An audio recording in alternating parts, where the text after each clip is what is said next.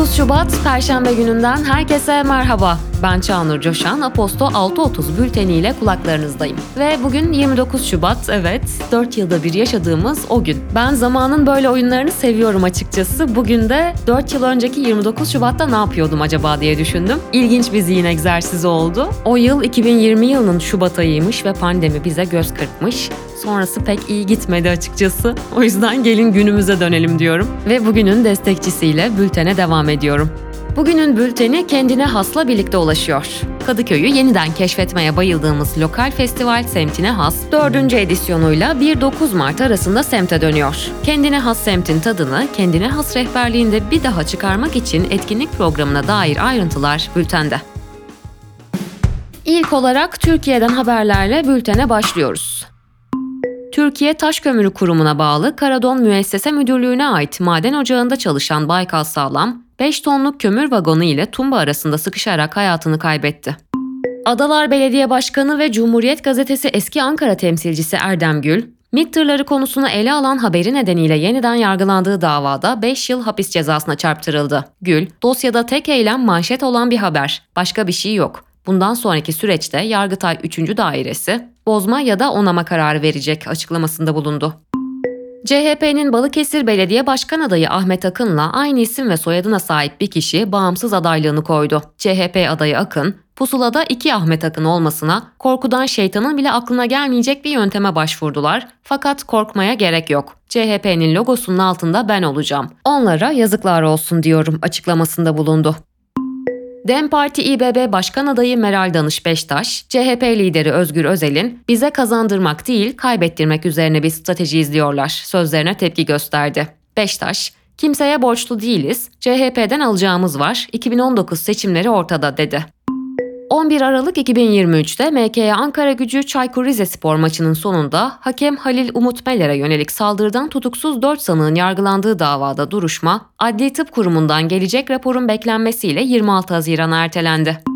Avustralya merkezli Lowy Enstitüsü'nün ülkelerin ve bölgelerin diplomatik ağlarına ilişkin yayımladığı Küresel Diplomasi Endeksi raporunda dünya çapında 252 dış temsilciliği bulunan Türkiye, diplomatik ağ en geniş 3. ülke oldu. Milli Güvenlik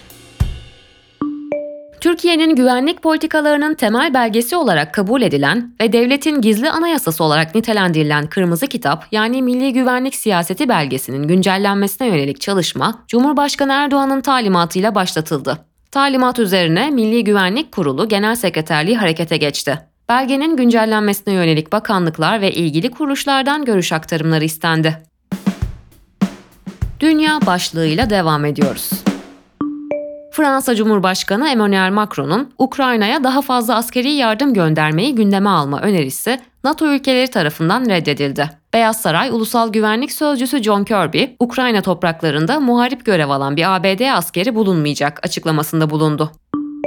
Birleşmiş Milletler Güvenlik Konseyi'nde düzenlenen Gazze oturumunda Rusya'nın Birleşmiş Milletler Daimi Temsilcisi Vasily Nibinzya ile ABD'nin Birleşmiş Milletler Daimi Temsilcisi Yardımcısı Robert Wood tartıştı. Nibinzya, ABD'nin sunduğu karar tasarısının ateşkes yerine öldürme yetkisi verdiğini ileri sürdü. Nibinzya'nın ardından söz alan Wood, Rusya'nın sivil altyapıların zarar görmesiyle ilgili endişelerini dinledim ama ciddiye alamadım dedi. Hamas Dış İlişkiler Sorumlusu Doktor Basem Naim, geçen hafta ABD, Mısır ve Katar arabuluculuğunda düzenlenen müzakerelerden sonra kendilerine resmi bir ateşkes teklifi sunulmadığını belirtti. İsrailli yetkililer de Biden'ın sözlerinin ülke yönetimiyle koordinasyon içinde yapılmadığını, bu nedenle şaşırdıklarını açıkladı. ABD Başkanı Joe Biden, Demokrat Parti'nin salı günü Michigan eyaletinde yapılan ön seçimi oyların yaklaşık %80'ini alarak kazandı. Seçmenlerin %14'ü çekimser oy kullanarak Biden'ın Gazze politikasını protesto etti. Öte yandan Cumhuriyetçi Parti'nin adayı eski ABD Başkanı Donald Trump, Michigan'daki ön seçimi oyların yaklaşık %66'sını alarak kazandı. Avrupa Parlamentosu haftalardır devam eden çiftçi operasyonlarına rağmen doğa restorasyon yasasına onay verdi. Yaşam alanlarını doğal haline döndürmeyi öngören çevre koruma yasası 329 oyla parlamentodan geçti. 16 Şubat'ta tutuklu bulunduğu cezaevinde hayatını kaybeden Rus muhalif Alexei Navalny'nin naaşının ailesine teslim edilmesine yardımcı olan avukat Vasily Dubkov, salı günü gözaltına alındı. Dubkov ifadesinin ardından serbest bırakıldı. Ekonomi ve finans Türkiye İstatistik Kurumu Ocak 2024'e ilişkin nihai dış ticaret verilerini açıkladı. Açıklanan verilere göre Ocak'ta ihracat bir önceki aya göre %3,5 artışla 19 milyar 991 milyon dolara yükselirken ithalatsa %22 azalışla 26 milyar 218 milyon dolar seviyesine geriledi. Böylece dış ticaret açığı %56,4 azalışla 6 milyar 227 milyon dolara inerek düşüş serisini 6. aya taşıdı. TÜİK Ekonomik Güven Endeksinin Şubat'ta 0,4 puan azalışla 99,0 seviyesine gerilediğini açıkladı. Cumhurbaşkanı Erdoğan, emekli maaşlarına seyyanen yapılan artışların adaletsizliğe yol açtığının farkında olduklarını ifade ederek, devlet ve millet olarak daha fazla çalışacak, daha çok gelir elde edecek, ortaya çıkan kazançtan da emeklilerimize hak ettikleri payları vereceğiz açıklamasında bulundu. Rusya Devlet Nükleer Enerji Kuruluşu Genel Müdürü Alexey Lihachev, Türkiye'de ikinci nükleer santralin kurulumu için Enerji ve Tabi Kaynaklar Bakanlığı ile aktif görüşmeler gerçekleştirdiğini belirtti.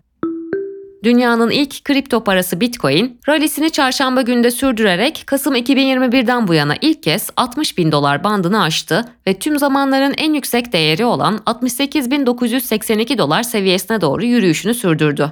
Bitcoin ürünlerinin son dönemde gördüğü rağbet, Şubat ayında %42'lik bir artışı destekleyerek kripto para biriminde son 2 aydır görülen en büyük aylık getiriyi sağladı. Bitcoin'in değeri sadece 4 ayda 2 katına çıkarken toplam piyasa değeri de 2 trilyon doları aştı. İş dünyası ve teknoloji Aselsan, Cumhurbaşkanlığı Savunma Sanayi Başkanlığı ile 82 milyon avroluk sözleşme imzaladığını duyurdu. ABD'nin büyük perakende zincirlerinden Macy's, 2026 yılına kadar yaklaşık 150 mağazasını kapatarak lüks tüketim pazarına odaklanacağını bildirdi. Sony, video oyunları ve dijital eğlence birimi olan Sony Interactive Entertainment'ta küresel iş gücünün yaklaşık %8'ine karşılık gelen 900 çalışanını işten çıkaracağını duyurdu. Microsoft da Activision Blizzard'ı satın almasının ardından geçen ay yaklaşık 2000 çalışanını işten çıkaracağını duyurmuştu. Apple'ın otonom sürüş sunmayı hedeflediği elektrikli araç projesini tamamen rafa kaldırdığı bildirildi. Reuters haberine göre şirket bu proje üzerinde çalışan iş gücünü yapay zeka birimine yönlendirecek. Microsoft'un Fransa merkezli yapay zeka girişimi Mistral AI'ya yaptığı 15 milyon avroluk yatırım Fransız parlamenterlerin tepkisini çekti. Şimdilik Mistral Large, büyük dil modelinin Azure Bulut Bilişim Platformu üzerinde kullanıma sunulmasını içeren anlaşmanın bir sonraki yatırım turunda öz sermayeye dönüşmesi bekleniyor. Almanya'daki yeni bir araştırmaya göre 10-17 yaş grubunda sosyal medyayı bağımlılık boyutunda kullanan çocukların sayısı son 5 yılda iki katına çıktı.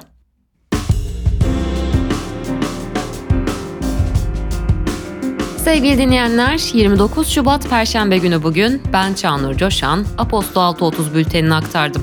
Bugünün bülteni kendine hasla birlikte ulaştı. Yarın artık Mart ayına giriş yapıyoruz. Önümüz bahar. Mart ayında gündemimiz yoğun. 6.30'la gürültüden uzak gündem haberleriyle birlikte olmaya devam etmek dileğiyle. Hoşçakalın.